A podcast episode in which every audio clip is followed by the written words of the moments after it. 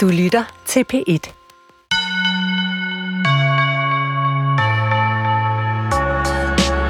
Det er ikke hver dag eller lige frem hvert år, at øh, en digter kommer på forsiden af et ugeblad. Så jeg spærrede øjnene godt op, da jeg så, at Marianne Larsen var forsidehistorie i ugebladet søndag for nylig. Lidt genert international stjerne var overskriften, der henviste til en stor artikel inde i bladet. Så hvad er det lige, der er sket for den 72-årige digter, der har skrevet i mere end 50 år? Er en af Danmarks fineste, men også for masserne ret ukendte forfattere blevet allemandseje i en temmelig sen alder? I hvert fald har Marianne Larsen de seneste to år hentet nærmest alle de priser, hun kunne. Frit Fletprisen, Kritikerprisen og øh, Akademiets store pris. Hendes ven og forlægger gennem mange år, Asger Snak, har kaldt hende en levende inkarnation af poesien. Jeg vil nok kalde hende for en overraskelsernes dame. For da jeg tog på besøg i hendes lejlighed for nylig for at lave et radioportræt af hende, vidste jeg for eksempel ikke, at hun i flere årtier var medlem af en slags hemmeligt digterselskab sammen med kremen af dansk litteratur, og at hun er nysgerrig som få. Så velkommen i øh, Skønlitteratur på P1, hvor jeg, din vært Nana Mogensen, den næste time prøver at finde ud af, hvad der egentlig er inde i digteren Marianne Larsen, der bliver kaldt genert i næsten alle de artikler, man kan finde om hende, og altså også i ugebladet søndag. Men hvordan har hun det egentlig selv med den betegnelse? Jo, men det starter jo med, selvfølgelig jeg selv har sagt det, og der er jo også en stor sandhed i det, altså jeg er sådan tilbageholdende, og det vil jeg nok sige, og, øh, altså, og det har jeg faktisk altid været. Altså, den måde at være til på, det er også forskellige sammenhæng, man kan optræde øh, generet i. Altså. Men på en eller anden måde, så altså i forbindelse med at øh, fremføre min digter og sådan noget, der, der synes jeg ikke, jeg har signeret. Men hvad tænker du så om interviews som det her? Er det så en del af den ligesom... Altså, det er jo ikke en del af den digteriske praksis, for det er jo ikke noget, du sidder og skriver, og samtidig er det jo heller ikke øh, ligesom på en skole eller et foredrag. Så, så hvad, altså, hvad, hvad er det så? Er det noget, du øh, ligesom gør, fordi det er du også nødt til for at komme ud med bøgerne? Eller altså, hvad, øh, altså, er det noget, du sådan ser på med glæde, eller ser på med en vis, åh, oh, nu er det snart forhåbentlig der overstået? Jamen, jeg tror også, at nysgerrigheden spiller ind. Fordi så vil jeg godt prøve det, altså. Se, hvad der sker. Og jeg vil også godt øh, have, at folk bliver opmærksom på, at, at poesien, min poesi og andres poesi, findes. Og at det ikke er noget øh, fuldstændig mærkeligt, noget som kun en lille kreds ligesom kan opfatte og sanse. Øh, men øh, ja, men også nysgerrighed, altså simpelthen. Jeg tænkte, at vi øh, her i løbet af samtalen i dag, så har jeg jo taget min computer med fra DR, hvor jeg har indspillet nogle lydklip fra arkivet. Jeg har været i DR's arkiver øh, og fundet nogle forskellige lydklip, vi skulle høre sammen, og de, de indvarsler på en eller anden måde et øh, tema. Øh, og nu finder jeg lige computeren frem, men så vil jeg, øh, hvad hedder det... Øh, lige sige en lille smule om, om det første klip. Det er fra øh, 1970. Det er fra det program, der hedder Perspektivkassen. Øh, jeg har klippet det lidt ned. Du optræder, øh, Marian Larsen, men, men øh, du læser flere digte. Jeg har klippet noget af det øh, fra, så det er bare sådan en to og et halvt minut. Og det handler om din debut i Hvedekorn i 1969 øh, hvor du har sendt nogle digte ind. Jeg tror, du er så 18 dengang i virkeligheden. Ikke? Øh, og, og Paul Borum er så, ja, du er inde og læse, og Paul Borum er inde for at fortælle om tidsskriftet Hvedekorn. Kan du huske, da du var i radioen dengang og læse op? Ja, jeg var med tog og tog taxa ud til, ud til den adresse, jeg havde fået. Men jeg havde ikke været i København ret mange gange. Nej. Øh, så det var, det var, det var noget af en rejse. Ja, fordi du boede ved, ved Røsnes ved Kalundborg, altså med ja. din familie, ikke? Jo, jo, jo. Og jeg var meget spændt på det, altså. Det var jeg. Det var Uffe Harder, der havde inviteret mig. det er helt rigtigt. Har- Havde du mødt Paul Borum før, eller var det første gang? Det var første gang, når du siger det. Ja, det var det. Uffe Harder tegner nu et portræt af debutanttidsskriftet Vedekorn. Blandt de nye digtere, der debuterer i Vedekorn, er Marianne Larsen, der først læser en række af sine digte. Sangen. Det sker i sangen. Stemmen og ånden vibrerer. Omfavnelsen af verdensomspændende går over i klubben. Symbolerne hænger sig som lette kåber over enhver, som er i nærheden. Det er vejret stråber fra en sang. Skyerne danser med omkring den. Formationerne og gudeskyerne kæler sig ind i hinanden. Også de har blivet stemmer. Ikke andet end himmelgys og gennemtrængende fremmede læmer til et glemsel af vrentende åndespor. Sangen kører stadig. En ukendt stemme hænger ved og følger på mystisk vis trommerne. Ingen går ind der og føler sig tom. For i luften har alle retninger ophørt med at vide sig ud, og er nok sprængt. For der befinder sig de involverede sind. I evig skiften ganske vist, men uhyre uforanderlige. Det er det, der er til at indse, til at bevæge sig efter, hvis det gøres brugeligt i samfundsdagene. Paul Borum, hvad er vedkorn? Der står i undertitlen, at det er et tidsskrift for litteratur og grafik. Og det har det været lige siden starten i 20'erne, da det hed Vild Vede. Det hed det til begyndelsen af 50'erne, da dets redaktør gennem 30 år, Viggo F. Møller, døde. Og det kom til at hedde Vedekorn. Først redigerede Halfdan Rasmussen det, så Ivan Malinowski, og så overtog Torben Brostrøm det. Hvordan var det at høre igen? Øh, Det er jo så 53 år gammelt, det klip. Ja, så kommer til at genopleve den tid. Fordi jeg havde jo ikke læst op. Det var, det var jo næsten også første gang, jeg læste op. Men det var det vel, ja. Men det er nyt for mig at, at høre mig selv fra den gang. Altså, jeg synes, du lyder meget selvsikker. Øhm, det var så også første gang, at du møder Paul Borum, men jeg ved, at du senere, ligesom er, og at Paul Borum er blevet inviteret ind til ham og møde andre forfattere, altså i København, hvor du tog ind nogle gange. Øhm, hvem mødte du ind hos Paul Borum? Altså, hvad var det for nogle seancer? Jamen, der mødte jeg jo den tids unge digtere. Og det var Dan Torell. Og han, han skrev jo også nogle vilde ting. Altså sådan tykke bøger, hvor der ikke var nogen handling overhovedet, men bare sætninger. Altså sådan, det var sådan unge mennesker, der eksperimenterede med, med, med, med sproget og, og sindet og følelserne og ja, i virkeligheden. Og virkeligheden i, i litteraturen. Og hvem var der andre? Der var også Ib Michael og Sandra Holm og øh, Svend Holm. Og ja, men jeg kom der jo ikke øh, regelmæssigt, må jeg så sige. Efter det, jeg tror kun, jeg øh, var der fire-fem gange måske. Og, og det foregik forskellige steder. Nogle, var hos, øh, nogle gange var det hos øh, Paul Borum. Og det var dengang, han boede der i Dag Hammarskjöld, eller på Dag Hammarskjölds Allé. Og samtidig var de i nogle lokaler øh, ude i byen. Men var det sådan, altså, var, jeg, øh, jeg har lidt svært ved at finde ud af, om det var sådan mere centreret om sådan noget læring og læsning af hinandens tekster, eller var det sådan mere fest og øh, godt med hvidvin og, og, og, og lidt hash, det var jo der lige øh, omkring den der sådan lidt mere eksperimenterende tid, eller var det, altså hvad, hvad var det for noget? Var det mere sådan noget forlagspraksis? Hvad, hvad gik det ud på? Jamen, det gik ud på ligesom at, at høre hinandens øh, tekster og, og kom, komme med kommentarer. I hvert fald de gange, jeg var der, ikke? Men jeg tog jo også tidligt hjem, så jeg har ikke været med til noget bagefter øh, i den periode der. Øh, men det var meget sådan seriøst, synes jeg.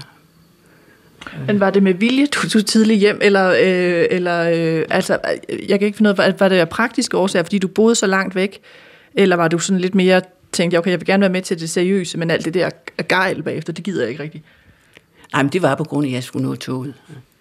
Og jeg ved heller ikke, om der var noget bagefter. Det har jeg aldrig hørt noget om. Det, det har der jo nok været, måske, ja. Øh, men det var sådan en praktisk årsag, at jeg ikke, ikke blev der.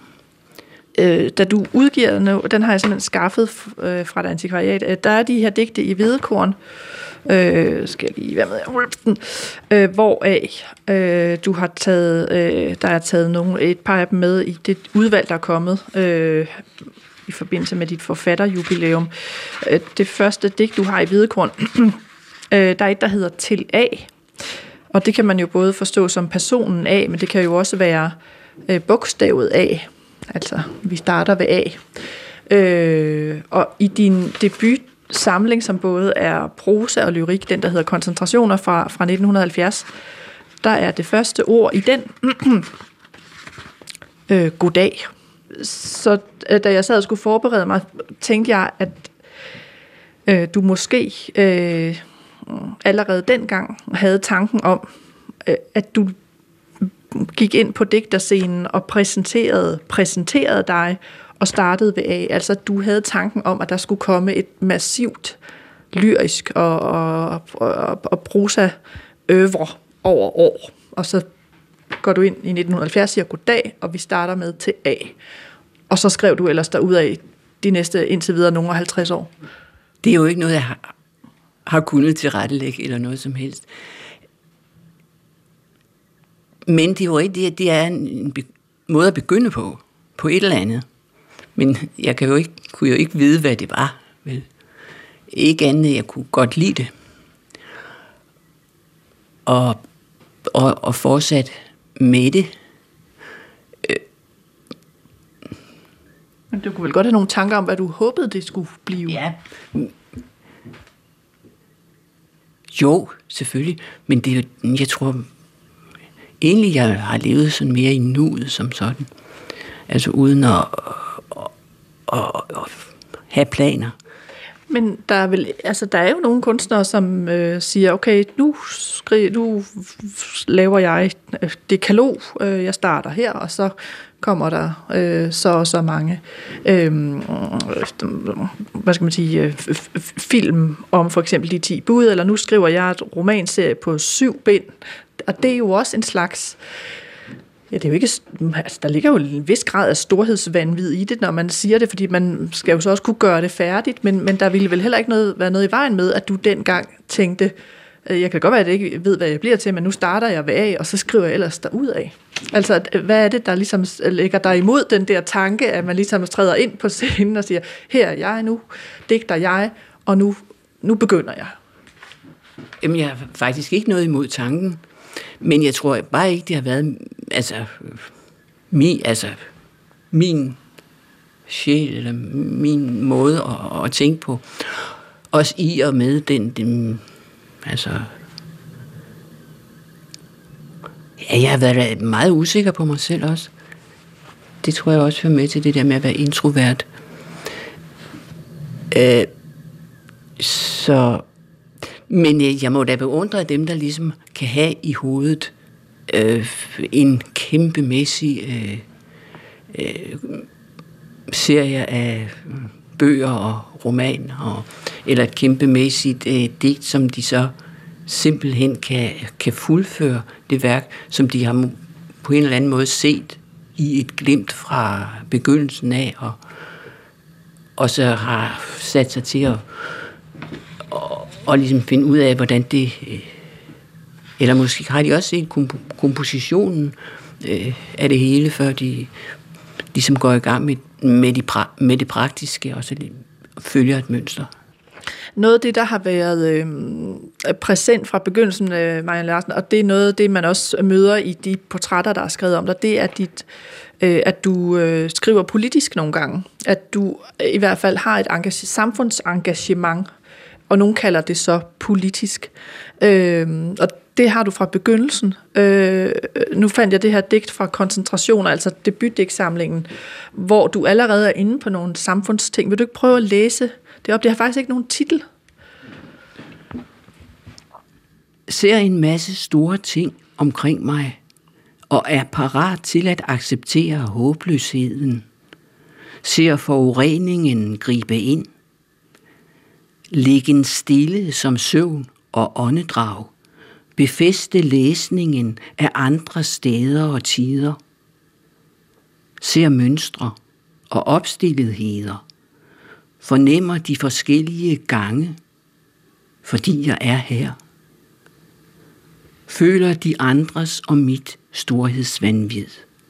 Forureningens røgslør, oliekager på vores bryster, skident vand oppe under vores gælder. Tidens rundhed forsvinder til sidst, lukket ude. Kan du huske, hvad tankerne var, da du skrev det her digt? Men det har vel været en reaktion, øh, dels på hvad, noget, jeg har hørt, måske i radioen, eller måske har der også været altså, en... Øh, fordi der sejlede der jo også olie, øh, store olietanker, og vi boede lige i, i nærheden af Kalmborg Havn. Måske har det været noget med et læg der, som der har inspireret mig, øh, øh inspireret mig øh, til sådan et digt. Men øh, det må jo også have ligget i tiden. Øh, den der øh, foruroligelse ved øh, ja, brugen af fossile brændstoffer og forureninger, overforbrug og alt sådan noget. Men det er jo noget, der ligesom var ved i din praksis, altså den her optagethed af samtiden på en eller anden måde, også af samtidens problemer, nogle gange i hvert fald i forhold til lighed. Øh, Øhm, og jeg kan ikke lade være med at tænke på, når vi taler om det her med, hvorfor du har det her mere sådan folkelige gennembrud nu, hvad det er, der gør, at det er nu, du har fået de store priser, at der også ligger et eller andet i tiden om, at man igen må være lidt mere politisk, altså at, at, at man i 80'erne, 90'erne og 0'erne, der var det politiske, øh, eller den optagethed af, af, sådan, af det verdensvendte, den var lidt mere forbudt. Men det tror jeg, du har ret i. Altså, der har været en periode, hvor det ligesom ja, har været fyreord næsten at være øh, politisk. Og jeg kan egentlig ikke rigtig forklare, hvorfor. Øh, fordi det, systemet er jo det samme. Altså, men det er så, altså inden for litteraturen, der, der er der jo, det går tit ligesom i bølger, og så kommer der en, så har vi i 70'erne og 80'erne måske, ligesom været for politiske. Og så er der nogen, der bliver, så bliver folk trætte af det. Der er ikke noget nyt i det mere. Og så slår så kommer der en ny øh, tendens op, som man kunne kalde det, som så ligesom udvikler sig til at blive en næsten en modsætning øh, til det, der var der før. Øh, så det går sådan i bølger. Øh. Jeg kunne godt tænke mig at spille endnu et klip for dig. Øh, og der skal jeg lige have sikret mig, at jeg får, får præsenteret det ordentligt. Det er fra 1979. Og øh, der skal vi faktisk til et tv-program. Ja, øh, du ser undrende ud, men nu forklarer jeg nærmere. Det er et øh, tv-program, der hedder Kanal 22, og du medvirker her sammen med en af tidens øh, helt store stjerner, Vita Andersen. Ja, og øh, jeg har taget, øh, det er sådan omkring øh, to-tre minutter, jeg har taget noget med øh, først, hvor intervieweren præsenterer, fordi det, det ligger der simpelthen også noget i. Så læser vi til Andersen noget, det har jeg forkortet lidt, klippet i, og så øh, hører man, at du begynder at så fortælle noget bagefter. Så man hører altså jer alle tre, og det handler om at være ude og læse op. Lad os lige prøve at høre det en gang. Der er et begreb her i landet, som hedder digterscenen. Det står for, at nogle digtere tager ud og møder deres publikum, læser noget op af det, de har skrevet, taler med folk, som er interesseret i at komme i kontakt med personen bag ved ordene. To af dem, man fra tid til anden har kunne møde på digterscenen, er forfatteren Vita Andersen, som i år har udgivet sin tredje bog. Det er digtsamlingen Næste Kærlighed. Og det er forfatteren Marianne Larsen, som i år har udgivet sin 17. bog, der hedder Det kunne være nu.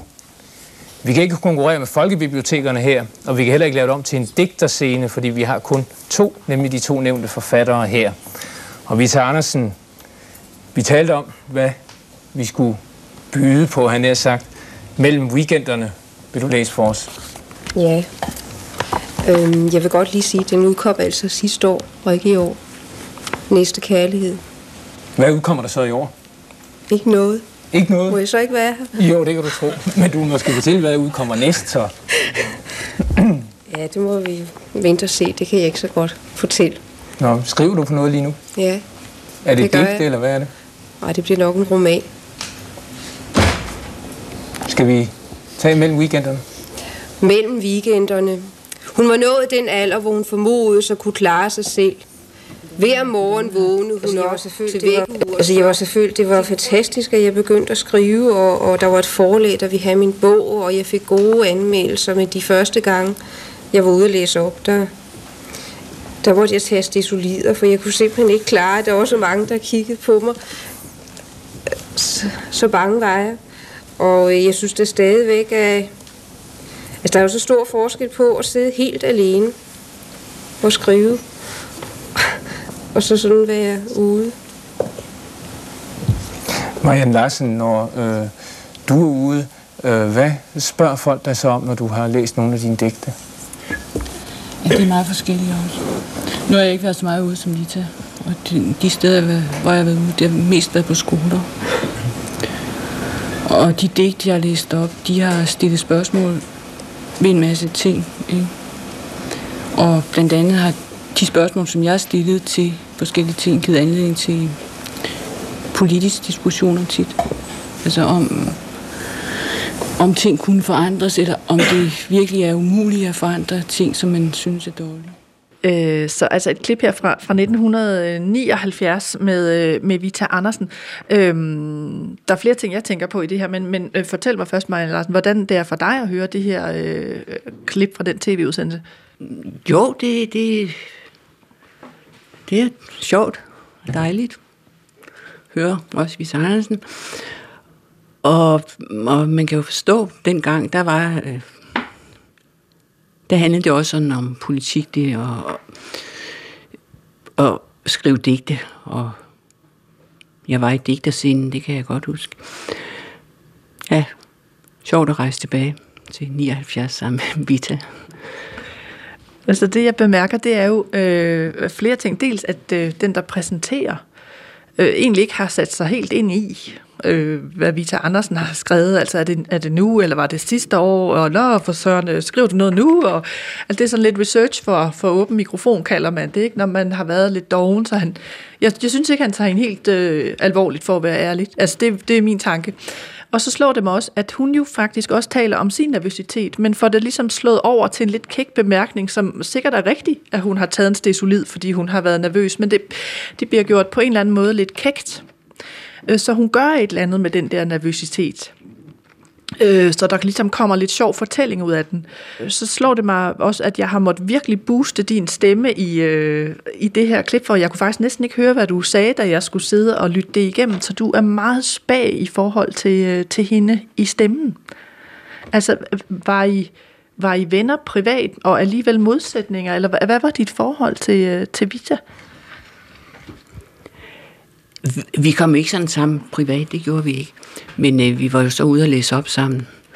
Og vi, ja, forskellige arrangementer mødtes vi også. Men øh, vi, vi så ikke hinanden privat sådan hjemme. Jeg har aldrig besøgt øh, Vita, hun har heller ikke besøgt mig. Jo, det har hun, da hun fik børn, der var de her en gang, kan jeg huske. Men det er også den eneste gang, altså, hvor hun var med sine tre børn. Ja. Øh, jo, men der er, der er mere øh, stemme på Vita, som du siger. Vi har jo nok været lige nervøse begge to, altså for at skulle der, fordi det var jo direkte udsendelse. Øh, så min nervøsitet, den er så blevet til noget sådan lidt lavmældt, eller hvad skal jeg sige. Øh, mens Vita simpelthen fortæller direkte om det. Ikke? Det er jo... Ja. Jeg fandt en bog faktisk, jeg har øh, opstøvet. skal lige se, hvor den er efter. Det er faktisk den her, der hedder Chance for at danse. Og det er faktisk en, jeg har købt antikvarisk. Jeg vil ikke prøve at læse, hvad der står? Der står til Vita med kærlig hilsen fra Marianne 20. i 10. 95. Så udvekslede I, det er jo så en til Vita Andersen formoder jeg, udvekslede I bøger? Vi udvekslede bøger. Ja, jeg har alle Vitas bøger. Øh, måske ikke alle sammen, men vi sendte dem til hinanden. Ja. Og vi var også med i, øh, i sådan en gruppe af kvinder. Så der var, det var jo næsten sådan privat, hvor vi sås der. Men det var så øh, tit på øh, ja, en café, eller måske også samtidig hjemme hos Vita, eller nogle af de andre, ja. Hvad var det for en gruppe? Jamen, det var, det var Vita Andersen og øh, Kirsten Thorup og Jette Drevsen og øh, jo Inge Eriksen og Inger Christensen. Ja, det var sådan den mest øh, kernen i det, så var der samtidig også andre med. Og hvad var det, altså, hvad, hvad lavede I da? Var det sådan en uformel gruppe, eller en formel gruppe, eller hvad var det for noget? Jamen, det var en uf- meget uformel gruppe. Den startede i 80'erne, tror jeg. Øh, og, og vi kaldte det julefrokosten, altså, når vi kom sammen. Øh, så det har nok været ved en julefrokost, det vi ligesom har fundet ud af, at vi skulle mødes igen næste år. Det var kun i gang om året. Ja, tror jeg. Øh, men det, det holdt længere. Vi, det holdt... Øh, jo, øh, Hanne-Marie Svendsen var også med. Fordi det seneste julefrokost, vi havde, det var hos Hanne-Marie. Og jeg tror, det er tre, tre år siden eller sådan noget. Og der var Vita også med. Men så har den jo varet virkelig lang tid, hvis den har varet fra 80'erne, og så helt op til øh, altså nærmest 2015, øh, ja. ja 2000, og hvad havde det, 20 har det jo så nærmest været. Ja. Men måske ikke hvert år. Sådan. Nej, men øh, ja, den var den var den var længe. Men det synes jeg aldrig, jeg har læst om nogen steder. Nej, men det var også helt uformelt. Det, det var det alt det, ja. Eller og er, ikke? Men er det, altså talte de, var det sådan en so- social øh, sammenkomst, eller læste de lidt op for hinanden, eller hvad gik det ud på? det er en, en, en social sammenkomst, hvor vi fik øh, frokost. Ikke? Altså spist og, og snakket sammen. Og, og det blev, øh, bliver jo tit så om det, vi er optaget af, nemlig litteratur. Øh, og hvad de forskellige har skrevet, og hvad der er blevet skrevet om dem. Og, men jo også øh, samfundsting, som vi snakkede om. Også øh, privat snak indimellem. Jo. Sådan, ja. Men altså sådan lidt en dameloge i virkeligheden. Ja. jo, men altså, det, det var jo for, ja, hvad skal man sige, hyggens skyld. Ikke? Og, og det der med at spise sammen og, og snakke sammen. Og høre, hvad hinanden lavede. Og så meget vi nu kunne fortælle om det. Ja. Men det har jo så været, altså som du lige nævnte navnet, det har jo nærmest været cremen af, af, af, af den årgang af dansk litteratur, i hvert fald af kvindelige forfattere jo i hvert fald. Det har jo ikke været hvem som helst. Nej, det, det, det var det. Øh. Men det var jo så, altså det er, ja, 80'erne, ikke? Og, og vi er så, og det var også ligesom øh, begrundet i øh, kvindeoprøret, kan man sige. Ja. At, øh, at vi fandt sammen kun kvinder, og kun skrivende kvinder. Det var også et af mine sådan, hovedspørgsmål. Det var også, hvordan dit forhold har været til, til den samtid af, af litterære stemmer, du har været en del af. Ikke? Fordi øh, når jeg lige sådan, øh, øh, tænker årstal, ikke, så... Øh, øh, altså Pia Taft, du er født i 51, Pia Taftrup er født i øh, 52, Så er der sådan en som Laugesen, Peter Laugesen er født i 42, ham har du også nogle gange blevet sammenlignet med. Inger Christensen, altså fra starten af 30'erne, ikke? Øh, og nu nævnte du Kirsten Thorup, hun er jo så... Øh, tror, er hun ikke lidt over, er hun omkring 80 nu. Men øh, hvordan har dit forhold, ud over det her med julefrokosten og dem, du så har mødt en gang om året, hvordan har dit, din relation ellers været til, til nogle af dine samtidige? Øhm, det har været sådan en ret sporadisk, vil jeg sige. Og, og mest i forbindelse med mit arbejde med at komme rundt og, og optræde sammen med dem, og sammen med andre forfattere. Øh, men ja, dem jeg har kendt bedst, det er nok det, gruppen der, som, som vi snakkede om, julefrokostgruppen, øh, rent privat. Men øh, var det fordi, at... Øh, fordi der er jo nogle digtere, som jeg øh, kender, øh, ikke nødvendigvis privat, men, men som nærmest kun har private venner, der er andre forfattere. Altså der er jo nogen, der der ligesom både ses med øh, andre skrivende professionelt og privat.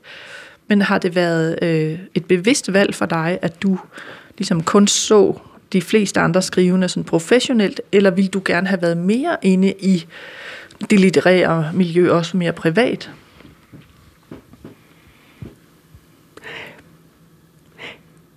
Det har jeg ikke stræbt efter. Og ellers om muligt, så er det ligesom ikke faldet, øh, at jeg er øh, kommet ind i det. Øh, så det, vi snakker om tilfældigheder, det, det tror jeg også er en tilfældighed. Øh, måske fordi jeg ikke så er gået til så mange, hvad skal man sige, øh, øh release og den slags ting, hvor, hvor os forfattere mødes, når de har udgivet en bog. Og, øh, det, det, det, det er jeg ikke gået så meget til. Fordi der, tit kan man jo bare dukke op der. Hvis jeg har fået sådan en helt personlig invitation, er jeg gået selvfølgelig. Men ellers, øh, så der er ikke noget sådan netværk på den måde, det kan man godt sige. Men er det fordi du tænker, fordi det er der jo nogen, der tænker, at det er sådan ligesom, det dræner en for energi og kræfter, hvis man skal gå til alt muligt branchehalløj? Eller er det mere fordi du har haft det sådan lidt, øh, øh, sådan, været utilpas ved at skulle møde op til sådan nogle mere sådan generelle begivenheder, hvor man ikke får en personlig invitation, men hvor man egentlig bare skal møde op og, og prøve ligesom at netværke? Eller? Ja, det vil jeg tro. Fordi det, hvis jeg har virkelig lyst til det, så er jeg jo gået. Men øh, det kan godt ske, at jeg følte mig lidt fremmed tit i, i det der øh, med at minkle øh, med andre og gå fra øh, den ene bekendte til den anden og, øh, og være øh, kon, øh, ja, konversere, eller hvad siger man? Øh, er ja, det, men det, det er måske også noget med miljøet, jeg kommer fra at gøre. Fordi der, øh, der er øh, dannelsen lidt en anden, end den jo er. Øh, øh, til sådan nogle, i sådan nogle sammenhænge, kan man sige. Det er jo lidt borgerligt også. Borgerligt. Og det, det er der ikke noget imod som sådan, men det kan godt ske, at jeg ikke rigtig passer ind i det. Hvad lægger du i ordet, øh, når du siger borgerligt? Hvad lægger du så i det ord? Jamen, øh, jeg kan jo så, så sammenligne det med det miljø, jeg kommer fra, hvor, der, hvor man ligesom har nogle andre, øh, hvad skal man sige, koder, og, og, og lære hinanden at, at kende ved hjælp af. Og så man også ved, hvad betyder, når man gør det ene, og hvad, når man gør det andet. Og, og ligesom jeg aflæser hinanden på en anden måde, end øh, det, jeg så vil kalde det. Det er mere, øh, ja, borgerlighed, sagde vi i gamle dage i hvert fald, øh, som har nogle andre koder og en anden måde at være andet på, man skal tage noget andet som en selvfølge, som ikke er en selvfølge, måske i det miljø, jeg kommer fra, men er noget, man ligesom skal leve op til. Du skal ikke høre et ondt ord om det for mig, fordi jeg, jeg, jeg går heller ikke. Altså, jeg går ikke til det, men jeg går ikke til det, fordi jeg, det, det, det, det dræner mig, og jeg gider ikke de der semisamtaler, hvor man skal stå og konversere med et eller andet menneske, der alligevel står og kigger sig omkring for at finde en, der er vigtigere, som personen skal tale med. Altså, jeg går kold i det, inden jeg dukker op, så derfor dukker jeg aldrig op, for nu at være helt ærlig. nu sidder du og flækker og griner. Må man ikke sige det så direkte, men det er det jo. Jo, det kan det godt være. Jeg genkender det. Jo. Ja. jo. Men, ja, men så er vi måske nogle outsider. Altså, der er jo folk i dag, øh, altså, der, altså, du kan sige, sige, der var dø for at være outsider, men det er jo nu blevet øh, næsten et privilegie, eller et, øh, en identitet, som er efterstræbelsesværdig at være outsider i dag, altså på en måde. Det er det vel for, for nogen. Okay. Altså, så jeg tænker, vi bliver måske, vi er på, ja, jeg ved ikke, om jeg er, men du er jo så, du er på mode, Marianne Larsen. Som outsider. Måske. Øh, ja. Men hvor, hvor stammer det ord outsider fra? Hvem er, er det en, der, en, der ikke falder i et med normen? Det tror jeg. Ja. Jo, men jeg kan også godt lide folk, der ikke falder i et med, med normen, eller ligesom finder sig selv øh, et andet sted, eller finder sig selv, hvor de nu engang er. Øh,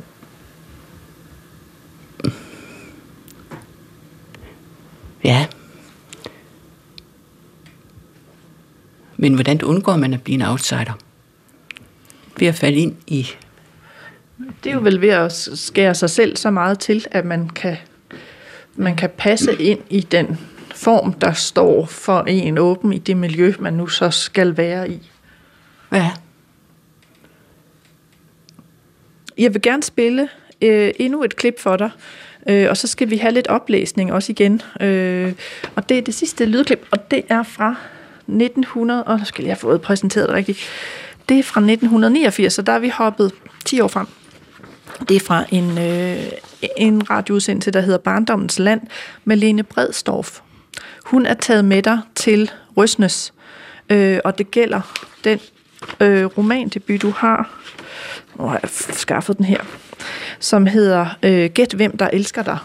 Og det er begyndt, altså det er den første bog om Bodil, som delvist er en, en selvbiografisk hentet, men der kommer flere romaner om Bodil. Det her det er så den første, som vokser op i, i 50'erne og 60'erne. Øh, også der, hvor, hvor du kommer fra. Mm. Så lad os prøve at, øh, at høre det en gang. Det er bare lige de første tre minutter eller sådan noget. Jeg er taget med Marianne Larsen ud i barndommens landskab. Ja, nu, nu sidder vi på strandbredden øh, ned for et sted, der hedder Vindekilde øh, på Røsnes ved Kalmborg. Og det er et særligt landskab øh, øh, med store bakker og dale. Hvad, altså geologisk kaldes det vist et øh, moræne-landskab.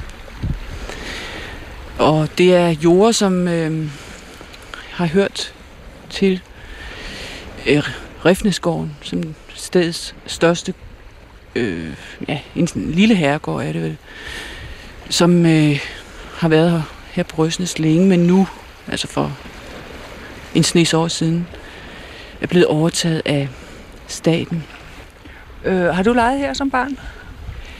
Ja, vi tog herud, altså blandt andet et sted, som øh, vi kom til, var eller noget, som vi synes var spændende at tage på udflugt til, simpelthen. Ikke? Øh, Fordi det her sted, det ligger cirka 7 kilometer fra, øh, hvor jeg boede.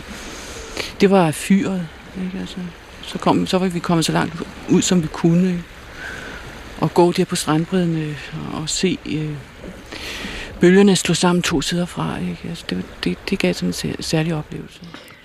Jeg vil gerne have dig til at læse begyndelsen på romanen Gæt hvem der elsker dig, som jo netop foregår lige på så Kalumborg, fordi der er noget meget interessant. Øh, den hedder Gæt hvem der elsker fra 50'erne og 60'erne. Jeg har kun kunne finde den her bogklub øh, udgave.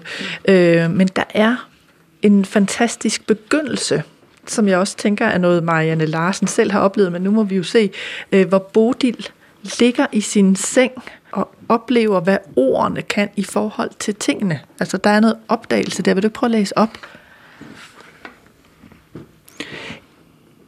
En morgen Bodil vågnede, pegede det hele på hende.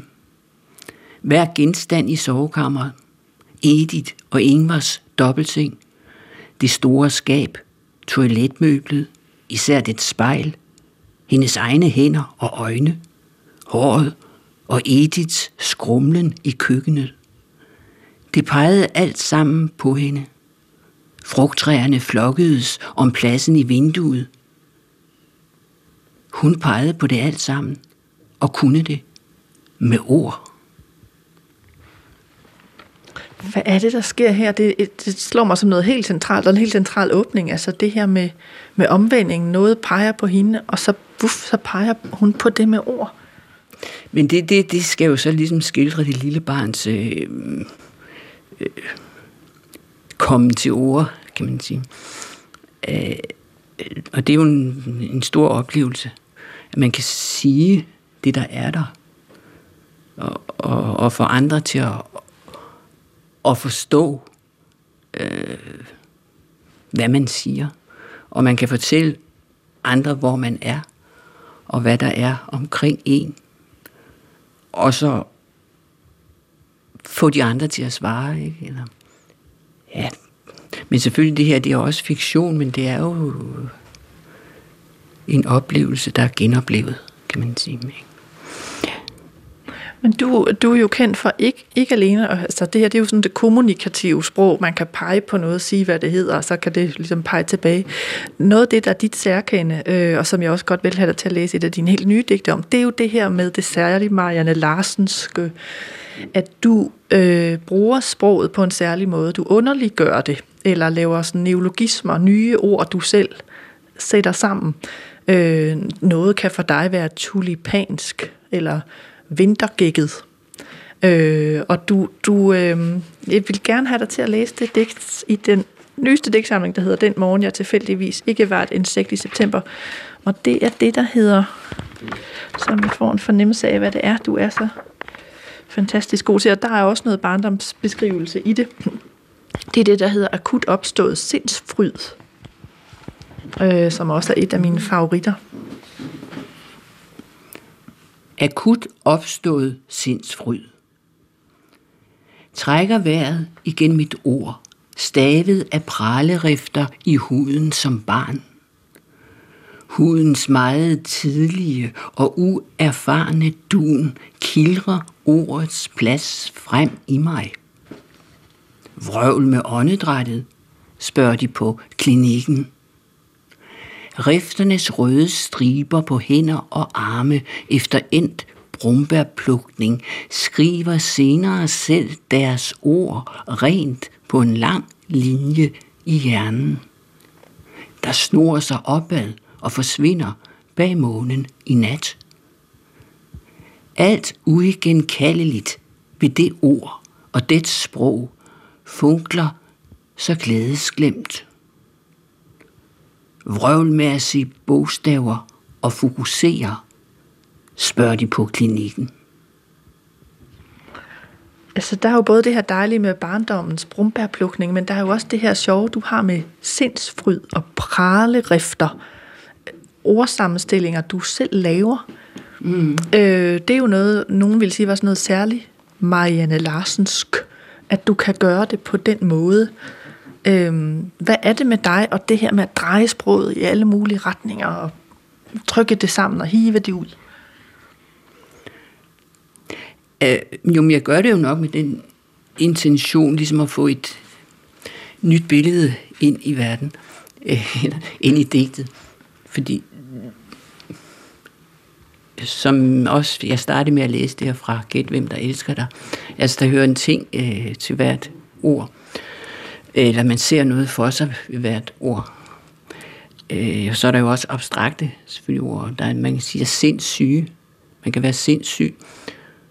Øh, men så kan man også have sindsfryd. Øh, men så bliver både sindet og fryden noget andet. Man kan frydes over noget. Øh, men sindssyg, det, det, det er meget negativt, men sindsfryd, det, det er så positivt. Ja. Og så helt digtet her, det, det er jo også en barndommen, der ligesom blander sig med den ældre, der er på klinikken. Og ligesom skal ja, tjekkes. Øh, og så er det spørgsmålet, hvad de på klinikken gør ved de der pralerifter, øh, som hun disker op med. Men selve ordet pralerifter er jo ret fantastisk. Jeg kan godt forstå, hvad det er. Øhm, så, så der er jo også... Altså, du, du, du er jo ikke bare digter, du er jo også sprogopfinder. Altså, i særlig grad, der er jo nogle digtere, der bruger det forhåndværende sprog og sætter det ind i systemer osv., men du, du arbejder, altså du laver en overbygning med nyt sprog, som du så bruger, ikke? Jo, altså for at kunne udtrykke noget, som jeg gerne vil, vil udtrykke. Ikke? Og også for at give det sådan en drejning, som du siger. Og også lade øh, det være e- elastisk sproget. Men noget af det, jeg tænkte på også, som nu har vi talt om, hvordan du på en måde rammer noget i tiden, altså med det politiske for eksempel, eller det her med, at man godt må være en, der står lidt udenfor, eller et anderledes, det, det er ikke noget skidt mere. Men der, hvor du ikke rammer ind i tiden, det er at jeg kan ikke finde noget sted i dit forfatterskab, hvor du sådan, om jeg så må sige, hiver tarmene ud på, på dig selv, øh, eller dissekerer hele din familiære baggrund øh, øh, i forhold til et eller andet kæmpe faderopgør, eller moderopgør, eller, øh, og det er jo så trods alt noget, vi virkelig ser i dansk litteratur, altså forfatter, der går op med deres mor eller far, eller dårlig barndom, eller baggrund, eller sådan noget. Det, det gør du ikke øh, selvom der er masser af barndom. Altså, er, er, det, er det enten et bevidst valg, at så, om jeg så må sige, privat vil du ikke være, eller er det simpelthen bare fordi, du er vokset op og har haft det uendeligt godt, så der er ikke noget at gøre op med? Det har nok noget med det private at gøre. Altså. Men øh, det har også noget at gøre med, at jeg ville ikke bryde mig om at skrive noget, der var alt for ægelt eller sådan, det ved jeg ikke. Det er jo et temperamentsspørgsmål. Øh, øh, men det kunne man, hvis min situation var sådan, at det var det eneste, jeg havde at skrive om. Noget meget forfærdeligt og dramatisk og øh, og så jeg ville skrive, men så er det ikke så det er ikke sikkert, at jeg hvis jeg havde Ja, jeg, jeg beundrer jo dem, der ligesom er kommet igennem, for eksempel Vise Andersen, er kommet igennem en meget, meget barsk øh, øh barndom, og så alligevel har haft øh, øh, kræfterne til at, at, at formidle det. Der tror jeg ikke, jeg ville have været stærk på den måde der. Eller, det ved man selvfølgelig ikke. Men, altså, det fortæller jo noget om, om om samfundet på en anden måde, end det jeg skriver måske. Øh, men der er der jo også lidt for, forskel på poesi og, og, og, og prosa. Ja, det, det er temperamentsspørgsmålet. Altså det, det med ikke at være alt for privat, være bange for, at man er for privat. Og så den der modstand mod det, det er meget... Fordi de, de har samtidig fornemmelse, at der er nogen, der godt kan lide, for eksempel, at skrive noget, der er meget mm, ægelt og, og barskt og, og, og grimt. Og det skal jeg selvfølgelig også frem, hvis det findes. Øh, men endnu har jeg i hvert fald ikke sådan rigtig kunne skrive om det. Det, det er meget mørke. Og, og, jo, på min måde måske. Altså, men ikke sådan i realistiske vendinger. Så det findes i dit forfatterskab, det er bare mig, der ikke ligesom kan pege det ud eller se det? Altså det ligger der på en mere kringlet måde, eller hvad?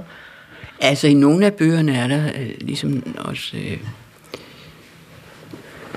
et opgør med, for eksempel jeg et om en kassedame, og ligesom, der skildrer, eller igennem digtet skildrer hendes meget øh, hårde liv. Og også om kvinder, der ligesom står på arbejdspladser, står op hele dagen og får alle mulige sådan, ligesom skavanker af den grund i benene og, og arme og muskler. Øh, øh, så, det, så den slags har jeg skrevet om i nogle af mine digte. Men det er jo meget sådan noget, der jeg tror, jeg har fundet din 70'er øh, digtning. Altså jeg mener, jeg kan ikke finde noget, hvor du, der sådan ligesom Marianne Larsen sådan, øh, lyrisk råber af sin mor, eller altså noget i den stil. Nej, men det er jo så, fordi øh, vi har haft et, øh, et godt forhold til min, altså, min mor og mig. Og ja,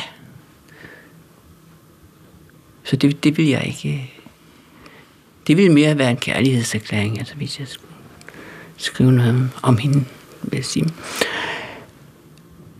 Men derfor har der da i familien været forskellige ting mellem brødre og ja, ja, underforståede ting og, og ting, vi ikke snakkede om, og, og som vi måske stadigvæk ikke snakker om. Fordi ja, der er nogle barriere, som har været der fra begyndelsen af, som er så svært at bryde. Ikke? Men det er jo til at leve med.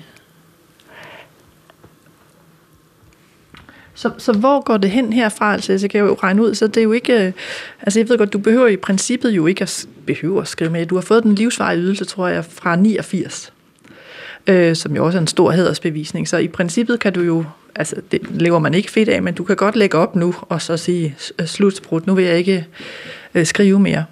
Men, men hvis det så ikke går i den der meget autofiktive, øh, nu skal jeg min familie i små stykker vej, øh, så kan det jo gå den vej, det har gået hidtil. Øh, og det er jo, det er jo blevet prisbelønnet, og, og det har det der særlige Marianne Larsenske, men det kan jo også gå en, en helt anden vej, jeg ikke har tænkt på. Altså, har du overhovedet nogen idé om, hvor det bevæger sig hen herfra?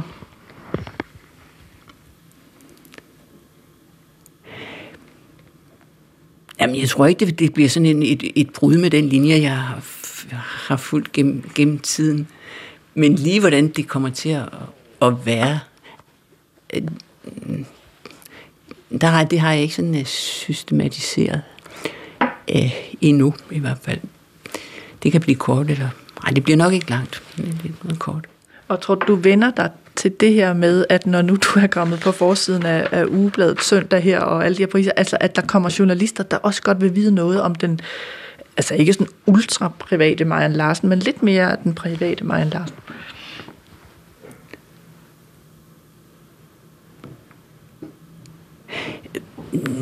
Det, det forventer jeg ikke. Men altså hele tiden forandrer sig hele tiden, og nu sidder vi i det her nu, og i morgen kan der måske ske nogle andre ting.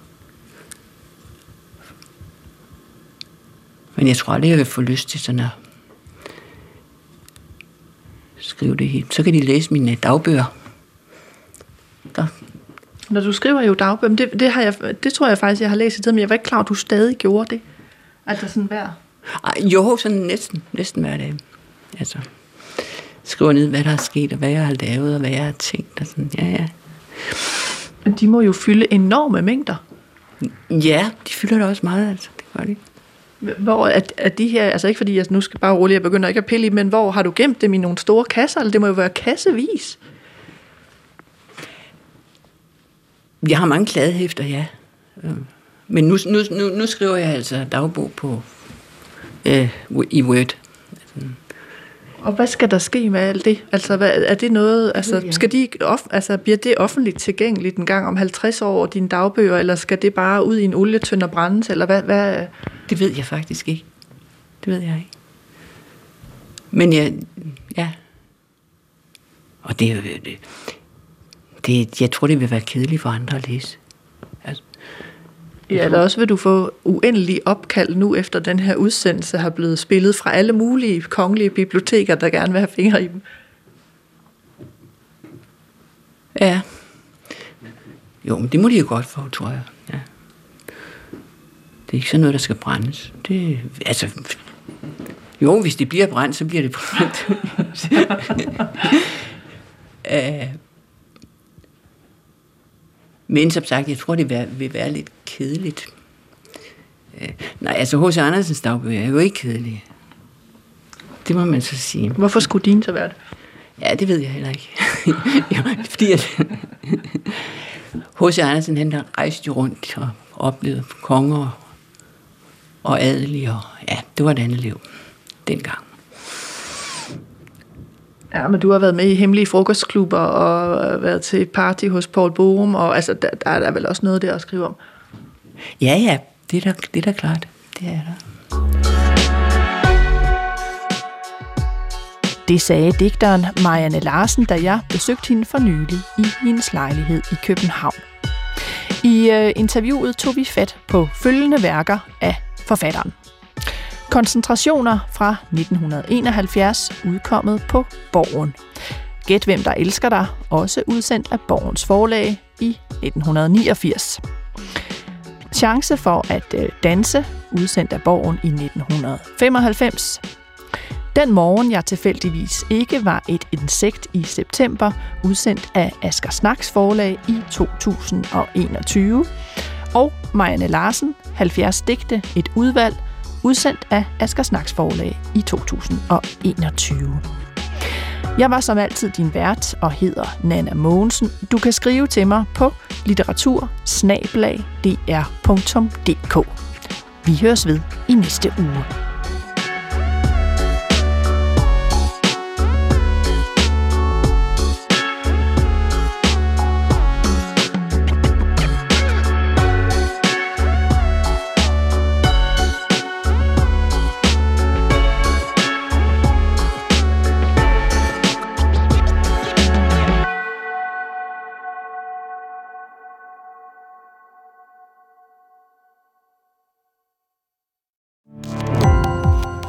Gå på opdagelse i alle DR's podcast og radioprogrammer. I appen DR Lyd.